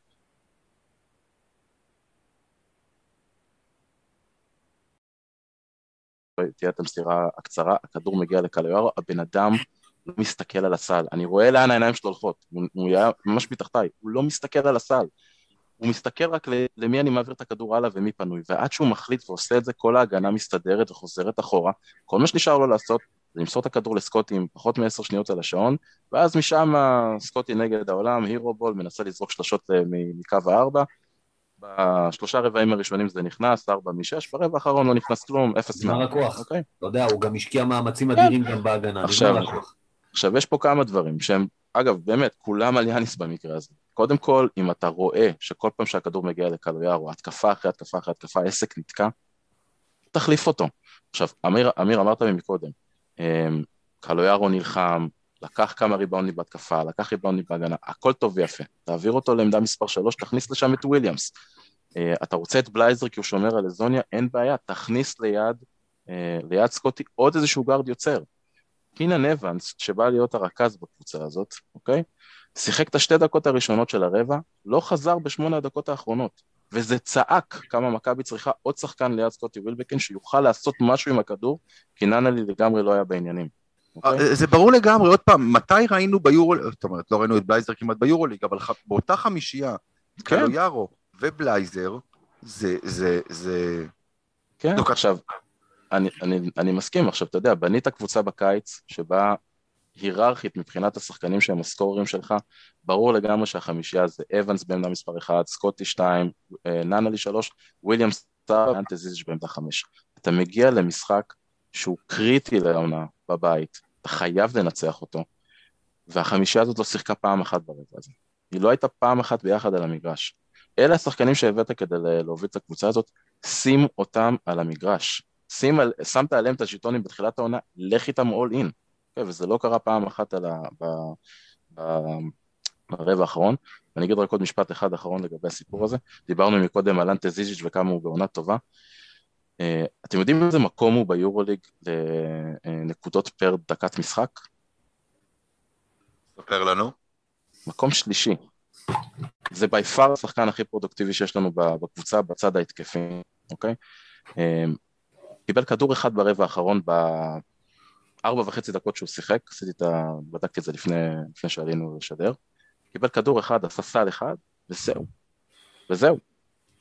ו, אה, וזה מספר את כל הסיפור. קודם כל, אתה יודע, אם ריינולדס, כמו שאמרנו, שומר כל כך גרוע, הוא שמר גרוע במשחק הזה, בשביל מה אני בכלל צריך להחליף את זיזיץ' החוצה ולהכניס את ריינולדס? עדיף לי את החסרונות של זיזיץ' בהגנה, שייתן לי משהו בהתקפה. אתה יודע, לעשות שמונה נקודות בהתקפה במשחק כל כך מכריע, ולהיות אה, קפוא עם ההרכב הזה שהיה על המגרש כל כך הרבה דקות, אני לא ראיתי את יאניס, אה, כל התקופה שלו במכבי, כל כך out ולא מגיב למה שקורה על המגרש, וזה...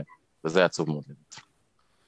טוב, נראה לי שנשים את קזאן בצד, או שהם שמו אותנו בצד, לא חשוב. בואו נדבר על uh, מה שהולך להיות לנו השבוע, ואנחנו הולכים למה שנקרא שבוע, איך גיא קרא לזה יפה, שבוע דונר קבב. הולכים לאכול הרבה שווארמה. דרך אגב, אני באמת לא מבין איך מי שארגן את הדברים האלה, כבר ארגן את המפגש כפול עם הטורקיות, למה לא פעמיים בחוץ? היו נשארים בטורקיה, זה לא מתבקש הרבה יותר מבחינת טיסות ודברים כאלה למכבי? אתה אומר, יש אנשים בקבוצה שאתה רוצה שיצטלמו ליד הארמון שם.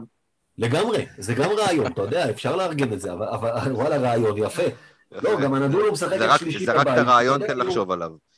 הנדולו הייתה משחקת שלישי בבית, אתה משחק שלישי באיסטנבול, נכון, זה פנרבכצ'ה, תודה לידידי שגיא מתתיהו על. על התרומה של העניין הזה. פנרבכצ'ה שייכת לצד האסייתי והנדולו לצד האירופאי, אבל עדיין, זה עדיין איסטנבול, ואתה יודע, רק לעבור את הבוספורוס. אז אה, באמת לא מבין את ההיגיון של אה, לא השאירו אותנו שם. אבל זה לא תלוי בנו. לא, אוקיי. אז... אבל אני אגיד לך אה, עוד משהו, אתה יודע, אלה שתי קבוצות, אנחנו 7-7, נכון? דה. פנר בא עם 5-9 שלילי, אנדולו עם 6-8 שלילי. אחד בבית, אחד בחוץ. מישהו חושב שאנחנו פייבוריטים, למרות המאזן, באיזשהו מהמשחקים האלה? אה, ברור. אם אנחנו מוציאים משחק אחד, אנחנו במצב מצוין. אתה, אני שואל שאלה, אנחנו פייבוריטים או אנדרדוג בש, באחד מהמשחקים, ולדעתי אין ספק שאני אנדרדוג בשני המשחקים עכשיו. אני אגיד אה, לך, אתה- אני אגיד לך מה, אם פנר לא היו מנצחים את מונקו שבוע שעבר, הייתי אומר לך, תשמע, 50-50. לא, לא, עזוב גיא, אתה, אתה אנדרדוג, אה, גיא, אני אומר, עזוב אמיר, אתה אנדרדוג כי אה, אתה לא משחק נגד היריבה כרגע. מכבי משחקים נגד עצמם כרגע, הם צריכים למצוא איך לחזור להיות קבוצה. במשחקי יורוליג אני לא מסכים שאתה משחק נגד, אתה לא, שמכבי משחקת נגד עצמה. בליגה כן. בליגה שלנו מכבי לא, נגד עצמם מהבחינה הזאת שהשחקנים נמצאים בחוסר ביטחון ובמצב. מנטלי כל כך קשה, הם צריכים לחזור לעצמם. קודם. תשמע, אני, אני, אני באמת מאמין שבסוף זה יקרה, כן? בסוף, בסוף זה, התקופה הזאת תיגמר. כן, לא אתה- נפסיד הש- בסוף העונה. יפה. לא, אה, לא, זה לא יימשך עד סוף העונה, השאלה מתי זה יקרה. אם זה יקרה בשלב שעוד אפשר להוציא משהו מהעונה הזו, או לא.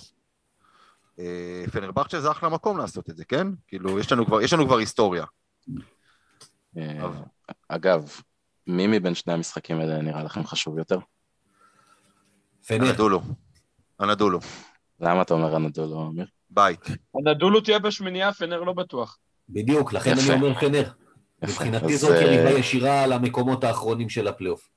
זה, כן. זה, זה לא רק העניין הזה, יש גם, אתה יודע, כדורסל זה משחק של מספרים, וכדורסל זה משחק סכום אפס, כל משחק מי שמנצחת, מי שמפסידה, זה לא כדורגל שיש תיקו ויש מלא מלא קבוצות אחרות, אה, והמתמטיקה של היורוליג גם מאוד מאוד ברורה לגבי המקום השמיני, ואם אנחנו חושבים שאנדולו תהיה בפלייאוף, יש הרבה פחות מקום לטעויות אה, לגבי כמות ההפסדים שאתה יכול לתת בעונה לקבוצות שהן לא קבוצות פלייאוף, ויש לנו כבר לפחות אה, שניים כאלה לאלבה ולכוכב האדום, בזמן שאת הקבוצות, ואם אנחנו אומרים שהנדולו שם ואנחנו רוצים את המקום השמיני אז גם לקזאן, אה, ו- והנדולו, אם היא אחת מהשבע שכן יהיו שם, יש הרבה יותר מקום לטעות, למרות שזה משחק בית.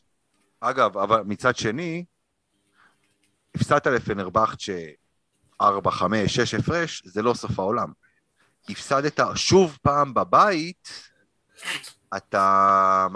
בוא, בוא, בוא במיוחד אם. אתה חוטף חבילה כמו שחטפנו מהם שנה שעברה, אתה אומר, ביד אליהו, שהם תראו, אני- משפיל. בוא, בוא, בוא, בואו, בואו נגיד ככה.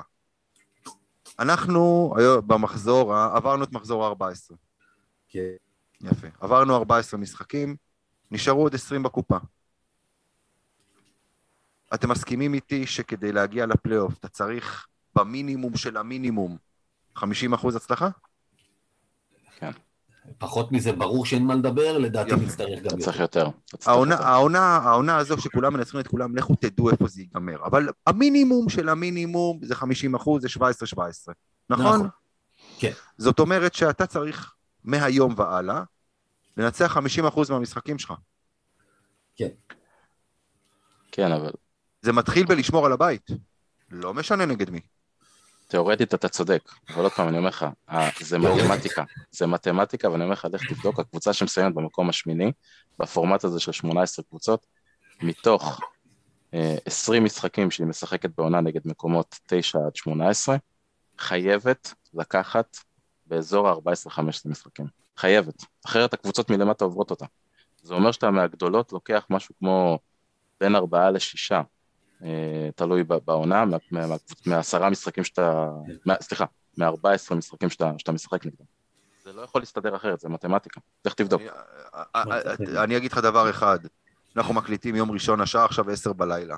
אתה מתחיל לזרוק לי עכשיו פה מספרים, תגיד לי, אתה חושב אתה חושב שאני אביא עכשיו בדידים או חשבונייה? מה אתה רוצה ממני? אתה לא צריך, תסמוך עליי, אני אומר לך, זה זה ככה זה- עובד. זה בסדר, אתה אושיית טוויטר, אני סומך עליך.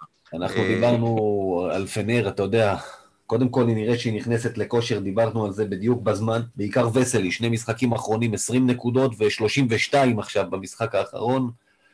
אה, אגב, אתה יודע, מתי פגשנו אותו פעם ראשונה ב- ב- ב- בסדרה ההיא נגד פרטיזן ב-2010? לפני 11 שנים, איכשהו זה גם נראה לך שהוא מסתובב פה עוד הרבה יותר זמן, כאילו...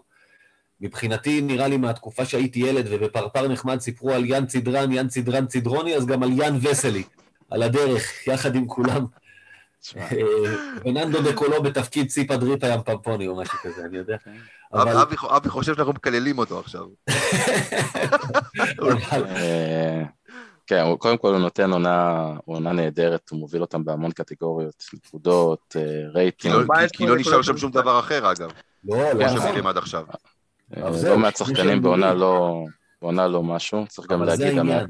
זה יש להם את ה star power. דיברנו, אבי דיבר, הרי דיברנו, אבי, אחרי המשחק עם קזאן, שדיברת על כמה שחקני top יורוליג יש, אז בסוף, אתה יודע, לפעמים זה מכריע משחקים שקבוצות משחקות קבוצתית פחות טוב.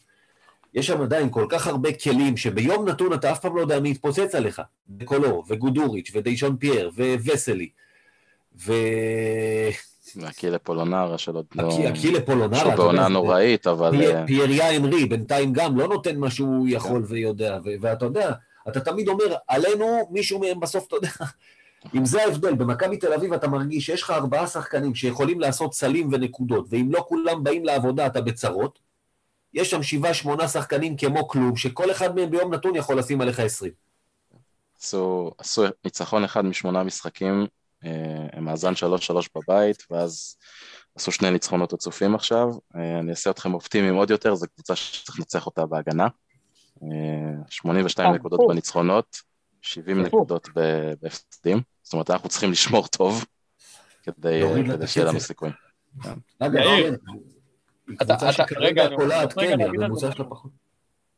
אני אומר, אני רוצה להגיד משהו על ההגנה.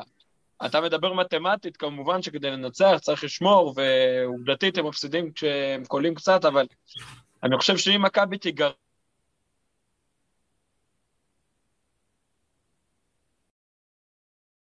אנחנו נגרור אותם למשחק יותר של סקור גבוה, כאן אפשר להתחיל לדבר, זאת לדעתי. לפחות לפי מה שראיתי אותם. מכבי תל אביב בתקופה הנוכחית אמ, לא צריכה לבנות על להגיע לאזור ה-85 נקודות בשום משחק, בטח לא בחוץ, אוקיי? אנחנו כרגע לא בכושר התקפי טוב, אם אנחנו אה, ניתן להם להגיע לאזור של ה-80 ומשהו נקודות פה, זה סיכוי נמוך מאוד שאנחנו נמצאים שם לניצחון. אני מסכים. דרך ההגנה... אל תשכח, גם צסקה, גם צסקה, גם ריאל, הסקור הוא היה נמוך. נמוך. האלה. כן, כן, זאת הדרך, רק הפעם לקלוע את הנקודה יותר ולא את הנקודה פחות. בדיוק. כן, אני אומר רק שזה מבחינת סגנון משחק, פנרבכט שאוהבת את המשחקים הצמודים האלה, בניגוד לריאל מדריד, שאוהבת דווקא, אתה יודע, משחקים יותר אה, פתוחים. צסק, אה, פנר משחקת מתחילת השנה בונקר, לפי מה שראיתי. כן, תשמע, הבעיה כשאתה לא קולע משלוש ואתה רץ להתקפות מעבר ביעילות כל כך, כל כך רעה, קשה לבנות על משחק שבו אתה, אתה תקלע הרבה. מבחינת איכות הביצוע, מבחינת איכות הביצוע אתה חד משמעית צודק, אבל זה... בכל דבר אנחנו, גם בהגנה אנחנו עכשיו לא אה, גרועים. שוב, אם אני מדבר אה, באופן אה, ריאלי, אם אנחנו משחקים טוב, כן? אם אנחנו משחקים כמו בחמשת המשחקים האחרונים, אפשר לחלום, אפשר לחלום בכלל על סיכוי. אגב, מי הקלעי שלשות הכי טוב שם, אתם יודעים? יאן וסלי. יאן וסלי. אבל הוא לא זורק הרבה. כן, הוא זרק עד עכשיו שבע שלשות, קלע שלוש, 42 אחוז. אבל חוץ ממנו, אה, חוץ ממנו יש שם עוד שני שחקנים שבאזור ה-40% לשלוש, אה, פיירי אנרי וגודוריץ'. מעבר לזה, הם לא קלעים גדולים, זאת אומרת, האחוז הקבוצתי זה 34 אחוז לשלוש. אה, גם שלנו, דרך אגב, זה העניין, אתה מסתכל, אתה אומר... גם אצלנו. גם אצלם יש הרבה שחקנים שבתיאוריה אמורים לקלוע באחוזים גבוהים, בפועל זה לא קורה. במעשי זה עוד לא קורה, אבל זה תמיד יכול לקרות. נכון. לעומת הנדולו, אגב, שגם בתיאוריה יש שם הרבה קלעים, ששוב, אגב, קבוצה שהשנה גם פתחה 0-4, אחרי זה ניצחה 6 מ-8, עכשיו הפסידה עוד פעם 2, ואתה גם אומר, חוסר היציבות שלה השנה מדהים, אבל עוד פעם, היא גם נחלשה טיפה להשנה, היא לא חיזקה את הקבוצה אחרי גביע, אלא רק איבדה את אה, שנלי, ולא ממש הביאה מישהו שיחליף אותו. אל תדאג, אלייג'ה בריינט אלייז'ה בריינט ידאג לתת פה 20 נקודות. שנייה, שנייה, אבי, אבי, אבי, אבי, אתה מקדים את המאוחר, נגיע לשם, רק רגע. אנחנו נגיע נגיע לכמה לזה. אלייז'ה בריינט תקלע, חכה. תכף נגיע, אבל, אבל הנה, זה בדיוק העניין. זאת אומרת, זו קבוצה שהשנה היא פגיעה יותר, ועדיין, אני חושב שזה עדיין מהמשחקים, בגלל כל הכלים שיש לה, ובגלל שהיא קבוצה שאתה יודע, מוכחת. אלופת יורוליג, ולמעשה למעשה כאילו סוג של אלופה כבר שנתיים, אתה יודע. Uh, המשחק ביום חמישי, עם כל זה שזה יד אליהו, uh, uh, וברור אגב שנצטרך את הקהל שלנו, נצטרך את הקהל כמו נגד ברצלונה, ולא כמו שהוא היה נגד קזאן, שהוא היה על הפנים. וגם עם זה המשחק יותר תלוי בהם, צריך להגיד את האמת, בסופו של דבר בגלל הכלים שיש להם. כן, הק- הקהל במשחק נגד אנדולו, זה יושפע מאוד מאוד ממה שיקרה ביום שלישי. נכון. אמ, הוא ניצחון ביום שלישי ויד אליהו יהיה כמו- כמו כמו נגד ברצלונה. אני מסכים. אה, מצד שני, והקהל יבוא, יבוא, יבוא עצבן, כאילו אה, לא כן. תהיה הרבה סבלנות, בדיוק. גם שם, אתה, לא- מן הסתם, אתה יודע, העוצמות של זה יהיו תלויות בצורת ההפסד ובהפרש. כן. אנדולו אגב, למרות שהם קבוצת התקפה מצוינת ולמרות העונה הלא טובה שלהם, מקום שני ביורוליג בנקודות, קבוצה שדווקא כן. כן מנצחים בהתקפה. כשהם מפסידים, אה, או בוא נגיד את זה ככה, חוץ ממשחק אחד נגד פנרבכט, שכל קבוצה שעברה נגדם את ה-80 נקודות, ניצחה אותם. אה, אז זאת קבוצה שאין לה הבדל בין כמה... אתה תצטרך שננלי ישחק איתך ולא עם היריבה לשם שינוי בחודש האחרון. נכון. בשביל שזה יקרה, שם כן צריך לרוץ, שם כן צריך לקלוע טוב מבחוץ. אמ, צריך שהדברים יתחברו. אוקיי. אנחנו רוצים להגיד עוד משהו, או שאנחנו יכולים אה, להתקדם הלאה מהשבוע הזה? רק נגיד דבר אחד, רציתי להביא את ג'אנט בשן, שהיא טורקיה כמובן, אוהדת מוכרת של מכבי ושל פנר דרך אגב, שתספר כל מיני סיפורים של טורקיה, היא התארחה אצל פנר בתור אורחת כבוד כמה פעמים במשחקים. אני רק לוקח דבר אחד, וזה עוד יותר חבל שזה לא שבוע טורקי כפול, בעיקר למכבי. יש שם עגלות כאלה באיצטדיונים, שמוכרים אה, לחם, בשר, ירקות, כאילו הכל, הכל אתה רואה מול העיניים, בוחר, שמים לך אותו על האש, מוכן בחמש דקות, וזה עולה גרושים. רק מלראות את התמונות עליתי איזה ארבעה-חמישה קילו, אתה יודע, זה... אחרי הקורונה הארורה הזאת, אה, בלי קשר, שווה לנסוע לאיזה משחק חוץ שם. תגיד לי, מה, פתחנו פה תוכנית עכשיו של אה, זה, של גברי לוי ואהרוני? מה אתה עכשיו. מדבר לי פה על אה, זה? שמע, אני, אני, אני זה, נפרסם את התמונות בדף של מכבי פה. לפחות שייהנו ממשהו, אתה יודע, אם... תשמע, אפשר גם להפנות אות- אותם לקבוצת שווארמה בפייסבוק, גם שם רואים הרבה דברים טורקיים. כן, בדיוק. טוב, בואו נעבור, אה, נעבור להימורים. רגע, שנייה לפני, לפני ההימורים, סליחה רגע, רק עוד משהו אחד, לא דיברנו על המשחק בבאר שבע בכלל, אבל אני כן רוצה להגיד משהו אחד לגבי המשחק הזה, או קשור למשחק הזה, אה, וזה לגבי עוז בלייזר. אה, כשהתחילה העונה הזאת, אני באופן אישי הייתי בטוח שזאת העונה, בוודאות העונה האחרונה של, אה, של בלייזר במכבי, שהוא אה, נשאר כי לא הייתה ברירה, לא היו ישראלים אחרים יותר טובים, גם העמדה שלו, גם עמדה שלוש עמוסה מאוד עם שלושה זרים לפניו, גם עמדה מספר ארבע עמוסה עם אה, שלושה זרים לפניו, וגם בליגה לא האמנתי שיש לו סיכוי לשחק הרבה. חייב להגיד ש... ואמיר אמרת את זה הרבה, בגלל הגישה שלו בדברים האלה, השחקן הישראלי הראשון שאני מחתים מהשחקנים החופשיים שנה הבאה, כי אלה הישראלים שאנחנו רוצים במכבי תל אביב, כאלה שלא משנה מה קורה איתם ביורוליג, באים ונותנים תפוקה שמראה שהם השחקנים הישראלים הכי טובים בליגה. שוב, זה הכל עניין של גישה. הוא כן. בא ואומר, אני לא משחק ביורוליג? בסדר. אז את ה-20 דקות, 25 דקות שאני משחק בליגה, אני מפרק את הפרקט. זה לא רק זה, אתה יודע, אני משווה ומעלה מה שיאיר אמר, הוא נשלח על ידי מכבי למסיבת עיתונאים אחרי קזאן, ודבר ראשון שרועי כהן שאל אותו זה על העניין הזה של החילוף ההוא. הוא הסתכל, אמר, חילופים זה החלטה של מאמן, מה שעושים איתי, אני בסדר, אתה יודע, גבר, מה שנקרא, אתה יודע, אה, כאילו גם דיבר בפתיחות, בכנות, ענה לשאלות, לא ברח משום דבר, גם לא התעצבן. אה, אני אומר, בקטע הזה, בגישה שלו, אם כאלה אתה רוצה לצאת למלחמה, אני לגמרי איתך. סבבה. אה, אמרנו שבוע שעבר שאני מנהל רישום של הימורים, הזכרת את זה אמיר, אני לא נראה לי שכל מי שהקשיב הבין למה אתה מתכוון. אה, אז רק נגיד שאני התחלתי לעשות אה, מעקב אחרי ההימורים שלך ושל אה, של גיא בכל שבוע. אה, לא יודע, תחליטו אתם מה מקבל המנצח בסוף העונה, זה שלכם, אבל בכל מקרה, גיא שבוע שעבר ניצח אה, 2-1 בהימורים, אני אגב פגעתי רק באחד גם כן. אתם רוצים לדבר על התמונת מצב מתחילת העונה? עזוב, עזוב, לא צריך. לא צריך, אתה אומר, לא צריך להשפיל אותך עד כדי כך. כן, אתה יודע. לא, לא, אתה יכול לדבר, במקרה אני אלחץ פה על המיוט, אבל אני- אתה יכול לדבר, אין אני- נערוך את זה אחר כך. אני אה, אני באתי ליפעה, במס- אתה יודע, יפעה לקחה קשה, הייתה במסיבת עיתונאים שפופה שם אחרי הפסד לקזאן, אמרתי לה, "אבל- למה? ספוילרמן אמר שמפסידים, היית צריכה כבר לדעת שזה מה שיקרה. בסדר, בסדר. אה, אה, וואי, יש לי, אני רואה- אני שיש לי הרבה לערוך פה אחר כך, טוב, בסדר.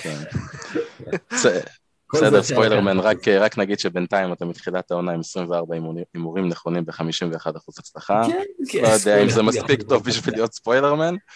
אה, מטבע מן היה מצליח לא פחות, אתה אומר.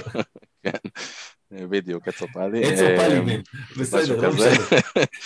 אה, ואמיר, אה, במקביל למכבי, ממשיך קצת בצלילה שלו עם 18 הימורים נכונים ב-38% הצלחה. שזה גם הילדה שלי יכולה להמר באותו אני נותן אחוז ל- הצלחה, עזוב, אם אני- לא אני נותן לגיא פור שלא יבקיע אחר כך. אוקיי. בוא נגיד ככה, הוא גר בכרמיאל, אני עוזר לפריפריה. טוב, יאללה, בואו, אמצע הלילה כבר עוד מעט. אבי צריך עוד מעט לקום בשלושת אפס, יאללה. אה, אה, טוב, בואו נתחיל. אה, יש לנו עוד שלושה משחקים עד אה, סוף הסיבוב הזה של היורוליג. יש לנו את, כמו שאמרנו, יש לנו את פנר יום שלישי, הנדולו יום חמישי, ושבוע אחרי את זנית. לא דיברנו על זה כבר. אנחנו כל שבוע עושים את זה, כי כל שבוע הכל משתנה. אנדר עובר חצי ניצחון עד סוף הסיבוב. אה, האנדר עובר חצי. עובר, קשוח, ליין קשוח. עובר, אחד לוקחים.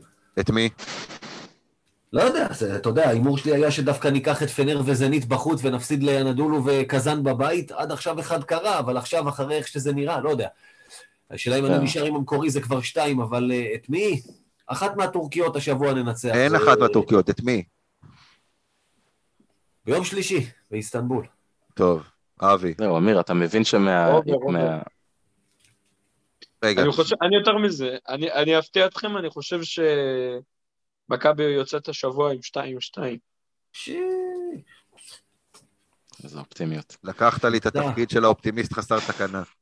לא, לא, אני, אני, אני, אני אגיד לכם למה אני חושב, אני חושב שהגענו למצב של אה, צומת דרכים, ובסופו של דבר זה קבוצת כדורסל עם יכולת, יש להם שחקנים טובים, אני מאמין, אני חושב שיצאו לפנרבכצ'ה, וזה ישנה את הגישה, יבואו לפה להיכל, ינצחו את הנדולו עם הקהל, ואז יפסידו לזנית בחוץ, רק כדי, אה, בכל זאת, לא, אתה יודע, לא להעמיס יותר מדי ניצחונות. שלא יעלה להם לעוף. כן, כן. יאיר. אני כמעט תמיד לוקח משהו אופטימי בדברים האלה, אז הפעם אני אגיד אנדר. יש לי תחושה שאנחנו אה, לא מצליחים. למצוא את עצמנו בשבוע הסלאמים האלה. אני, אני הולך על אובר. אה, בתחושה שלי אנחנו גם מנצחים השבוע פעמיים. ואז, ואז, ואז חוטפים חבילה ברוסיה, כן? אבל, אה, אבל אה, השבוע לדעתי אנחנו ננצח פעמיים. מה אכפת לי? תשמעו, אני צריך להמר על דברים הזויים, כן? כי בכל זאת אני צריך לצמצם את הפער מגיא. אין לך ברירה. כן, תכלס. אתה מבין אה, שמכל התרחישים שדיברנו עליהם שבוע שעבר, על איפה מנצחים, היחידי שיכול עוד להיות צודק זה, זה גיא עם ההימור ההזוי שלו לשני הפסדי בית ושני הפסדי ניצחונות חוץ. זה הזוי. זה זה הזוי ואסור שזה יקרה, לא אחרת הזוי. אנחנו נשמע על זה גם עוד אה, שנתיים קדימה. לא, האמת, זה לא הזוי. אם, אם חושבים על זה לעומק, זה לא הזוי. ניצחון בזנית, כמו שאנחנו נראים, זה הזוי. אני לא בטוח. למרות שגם הם לא כזה להיט במשחקים. בדיוק, לכן אמרנו, בסדר, זה עוד אני חזור לא בטוח למועד. שזה לא הזוי, זה לא הזוי. כשחושבים על זה לעומק, עם כל ה... דעתי לא הזוי בכלל. אבי, אם אני צריך לחשוב על זה לעומק. אנחנו מבחינתי מפסידים עד סוף העונה. אם אני צריך לחשוב על זה באמת לעומק. טוב, אה, ככה. אז לקראת המשחק נגד פנר, מצ'אפ, מי קולע יותר? וסלי זיזיץ'. וסלי, הוא בכושר מפלצתי. אני גם הולך עם וסלי. וסלי. זיזיץ'. אוקיי. בוא, נגיד ככה, כל מה שגיא אומר, אני אומר הפוך. יאללה. אני חושב-. עכשיו זה... אני חושב ספורט. יהיה הקלעי הבולט. אני חושב- שווסלי הולך את הקלעים במשחק, או את פנרבכצ'ה ודאי, אבל גם... דווקא בתחושה שלי יהיה מישהו אחר, אבל בסדר, הוא יקלע יותר מז'יז'יץ'. יאללה, בוא נמשיך. יאללה. אה, עוד מצ'אפ, פירי אנרי נגד ווילבקין. נקודות? לא, כדרורים. טוב, כדרורים זה קל, ברור שווילבקין. אבל לא, נקודות. גם בנקודות זה קל, וילבקין. ווילבקין. ברור, חד משמעית. ווילבקין. עכשיו אתה חייב להגיד הנרי. לא, לא, לא, בוא, בוא. לא נגזים. אוקיי, גם אני פה על ווילבקין. עכשיו נחזור למה שאתה הזכרת קודם, אבי. אלייז'ה בריינט. למרות שאין לו מה לנקום בנו. כאילו, היינו, יצ... יצאנו, איתו, יצאנו איתו בסדר. זה לא בסדר. בעולם. לנקום, זה לא לנקום, זה... להוכיח. גם. לא להוכיח, מה, הוא היה לא להוכיח, מה, שחקן מישהו חשב מוביל שהוא לא- שעברה, שלחנו אותו להיות אלוף NBA. נכון, בסדר. היכרות, היכרות עיוורת עם הטבעות ביד אליהו. כן. שנה שעברה הוא לא הייתה, לא הייתה לו כזו היכרות עיוורת איתם. איפה שמים את ה line? 13 וחצי. under. over. הוא קולע לפחות 20. וואו, אתה זה over גבוה. לא, אני אומר under, יקלע עשר. גם הולך under. מה יאיר? under. under. גם אני הולך פה על under.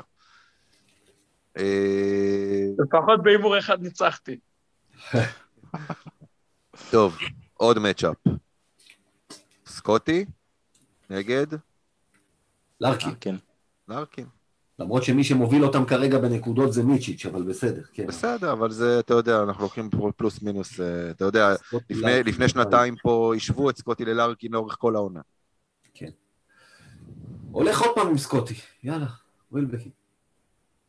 אה, אני הולך עם סקוטי, כי פשוט באנדולו יש כל כך הרבה שחקנים שאוהבים להתפוצץ. עלינו, כמו סימון, בובואה. בובואה וטיבור פלייס. לא ממש נכון. צריכים את הנקודות שלו נגדנו. בדיוק. אז אה. זהו, יאיר אה, כבר הקדים אותי, אני חושב שמי שיהיה המצטיין שלהם, חוץ מאלייז'ה בריינט, זה רודריגו בובואה. דווקא של. לדעתי יהיה ככה סולידי. לדעתי. אוקיי, אוקיי, אני גם הולך פה על סקוטי. יפה. אני גם הולך על סקוטי. והימור אחרון, דיברנו עליו הרבה בפרק הזה, ג'יימס ננלי. under over 22 וחצי נקודות בכל השבוע. בשני המשחקים, זאת אומרת. over. אני גם הולך על over. יקלע 12 בפנרבחצ'ה, בפ- מול פנר, משהו כמו 11 מול אה, אנדולו אפס. אז אני הולך על under. יגיע ל-19, ככה 20. אה, תשמעו, היה עצוב לראות ב- ביום חמישי שהשחקן שקלע הכי הרבה אחרי סקוטי היה ננלי, שקלע את רוב הנקודות שלו בכלל מהקו, הקו. אה, ולא פוגע בכלום, ועדיין היה שם מקום שני יחד עם ריינולדס, אז אני הולך על over. אוקיי. בסוף הוא יודע לייצר נקודות, לא משנה איך. בסוף הוא על המגרש מספיק דקות כדי לעשות משהו, אה, גם אם זה בג'יאג'ואה כזה, או מהקו. גיא. שלך. בוא נרוץ. בוא נרוץ על שיעור היסטוריה זריז וקצר, הארכנו בפרק הזה, אבל אה, דיברנו על הטורקיות, פנרבחצ'ה, אנדולו. מי שזוכר, פנרבכצ'ה זה איחוד, פנרבכצ'ה אולקר. Uh, שאולקר זה יצרן ממתקים מאוד מאוד גדול בטורקיה, ופעם הם היו בנפרד, ואולקר הזאת הגיעה פעם ליד אליהו. זה היה קורה. Uh, המשחק הראשון של עבדכם הנאמן באירופה, לא בליגה. באירופה, בליגה יצא לי קודם, באירופה ביד אליהו, היה בעונה 96-7, לקח הרבה זמן עד שהגעתי למקום הזה. בתור ילד רשל"צי שמכבי הייתה בראשון הייתי קבוע שם, אבל הנה. אולקר הגיע ליד אליהו, וזה היה משחק קובע בסוף שלב הבתים הראשון, שאז השיטה הייתה, היו 24 קבוצות, אה, שחולקו לארבעה בתים של שש, ושימו לב מה קרה, כל הקבוצות עלו לשלב הבא. זה היה משהו הזוי כזה, והחליפו את ה... כאילו שעשו את השלושה ראשונות מהבית הזה, הצטלבו עם השלושה ראשונות האחרונות מהבית ההוא, ובכל זאת, מה אתה רוצה? מפעל- זה עדיין היה מפעל של פיבה. איזו הזיה, תשמע, וזה היה... אז מכבי הייתה בקרב ישיר מול אולקר על המקומות האלה 3-4, ורצתה להיות 3 כדי לקבל קבוצות פחות טובות בשלב הבא, וזה היה משחק כאילו קריטי אחרי שהפסדנו באיסטנבול בארבע הפרש. והמשחק הזה זכור בזכות אה, יומו הגדול של אה, אחד קונסטנטין פופה, שהגיע לפה הרומני-ישראלי נגיד, 2-20, וכולם ציפו ממנו לגדולות, ואז הגיע קולב כזה, מתלה המעילים הגבוה בעולם, ש... ש... כולם הופתעו לראות כמה הוא, אתה יודע, רזה, ושכל מיני שחקנים נמוכים ממנו בשני ראשים עשו עליו פוסט-אפ וכל מיני דברים כאלה. והוא הוא לא הרבה לשחק, ואז במשחק הזה צביקה שרף העלה אותו מהספסל אחרי חצי, חצי, אז שיחקו עוד מחציות, אבל אחרי חמש דקות, והבן אדם נתן את משחקו הגדול ביותר במכבי, 18 נקודות, 80 אחוז מהשדה, הוביל את מכבי לניצחון מאוד קשה בשש נקודות הפרש, מכבי הייתה ביום מזעזע, זה נגמר 71-65, מכבי קלה שלוש שלשות כל המשחק, קטש לא פגע בכלום. אחת מהשלשות האלה, רק נגיד, זאת שהבטיחה ניצחון והעלתה לשמונה, הייתה של לא אחר מאשר נדב ונפלד. עכשיו, עכשיו מבינים איך אה, מכבי נראתה באותו יום. אתה מבין משחק שקטש לא קלה, קטש לא קלה שלושה אחת ונדב ונפלד כן. זה היה משחק באמת, אז במשחק כזה הפוך, קונסטנטין פופה קלה 18 נקודות. והוביל את מכבי תל אביב לניצחון, אנחנו כמובן נעלה את התקציר. אתה יודע, זה היה יד אליהו של פעם, הזיכרון שלי משם זה איך יד אליהו רעד לי מתחת לרגליים שהנפלד שם את השלשה הזאת. אתה יודע, לא היו אז את הצבעים של היום, את הדגלים, את התפאורה, כל אחד בא עם חולצה לבנה מהבית, או חולצה כחולה, או מה שהיה לו בכביסה. אבל, ולא היה יותר מדי שירים כמו עכשיו, אבל היה רעש. כל הקהל עמד וכל הקהל עודד, ולא רק הגייט. וימים אחרים. אה, לפעמים אני קצת מתגעגע אליהם, אני חייב להגיד לך, עם כל ההבדלים בכדורסל. אז זה היה פיור כדורסל. אז היה הכדורסל, הכדורסל הטהור. אנחנו כמובן נגיד שמי שאימן היה צביקה שרף, שגם הסביר, לפעמים יש מצ'אפים, וחשבתי שפופ יתאים במשחק הזה, אמר וצדק. עזבו אתכם, מה שאנחנו באמת מתגעגעים מהתקופה היא זה רפי גינת לעומת שי סידי, בוא נגיד את האמת. אני, תקשיב, אני, אני, אני אוהב את שי סידי, כן, הוא מוסיף אה, הרבה דברים שאולי אפשר אפילו לפעמים לוותר עליהם סך הכל. רפי גינת, כבודו במקומו מונח, אגדה. אין, אה, אתה יודע, כאילו, זה כמו, זה כמו שתמיד תדבר על המאמנים של צביקה שרף. את צביקה שרף אתה לוקח היום למכבי? אמיתי. אה, לא, לא, אבל... אה, ניהולי, תפקיד ניהולי. לא אפרופו, אפרופו שי סידי, אה, אני צריך חייב לספר לכם סיפור שכאילו קרה לי, כאילו ראיתי לפני קזאן, שבאתי להיכנס להיכל, אז... רק לספר לכם סיפור שברגע זה המצאתי, נו, לא, סתם. לא, לא, נו, באתי להיכנס לאולם לפני המשחק ביום חמישי, אז סידי בדיוק עבר שם בדרך מהחנייה, והיו שם חבורה של כמה אנשים מבוגרים, דווקא חמודים כאלה, מאיזה משהו כמו ארגון שלווה כזה, אני יודע, ודומיו, משהו מהסגנון, והתלהבו על כל שחקן שהגיע עם האוטו וזה, היי, הצטלמו ויאללה מכבי וזה, ואז שסידי עבר, הם עשו לו מראה של שי סידי. התחילו לצעוק לו שם באמצע הרחוב, נה נה נה נה נה נה לי, נראה לי... ובאותו רגע הוא... ראה מראה של עצמו, אמר, אני מפסיק עם זה. מזל שלא ראו אותו שנה שעברה, שלא עשו לו את הדיגי נכון. דיגי דיגי דיגי. הוא לא הציג אותו בתור ננה ננה לי במשחק הזה, אולי בגלל זה. בכל מקרה, אני חושב שבתור... אה, אה, הוא, הוא נותן שואו גדול בהצגת שחקנים, הוא עושה את זה אחלה. במשחק עצמו הוא צריך קצת להרגיע, בעיקר במשחקי ליגה, אני רואה, שומע הרבה, הוא מתערב יותר מדי, תן לקהל, תן לה... איזה קהל לא במשחקי ליגה. הוא לא ההצגה, זה... צריך קצת להרגיע במהלך המשחק. בוא נגיד שאני מאוד אוהב אותו, ואני חושב שנגד באר שבע זה היה קצת קצת מביך, הוא צרח שם יותר מדי חזק בסוף, כאילו אנחנו מנצחים את ברצלונה. זה בכל זאת קצת פרופורציות. בואו נגיד ככה, ניצחנו אתמול, מבחינתי זה ניצחון יותר גדול מאשר על ברצלונה. מבחינתי זה הפסד. המשחק הזה היה הפסד. אה, לא, לא, לא הרווחנו ממנו שום דבר חוץ מבלייזר. לא, לא, ו- אני- הפסד היה מפרק אותך עוד יותר. אני לא מסכים, בדיוק, אני לא מסכים איתך, אבי, כי הניצחון אתמול הוא חשוב, כי עצרת את רצף ההפסדים. זה מנטלי, זה לא, ברור. זה, זה חשוב, אנחנו מכבי קודם כל, אתה יודע, אלה שהתחילו להגיד אני מעדיף שנפסיד כדי, זה לא, לא, לא הדרך לא, שלי, לא, אני ודאי רוצה שלא. להפסיד. אני מדבר, אני מדבר ברמת ה...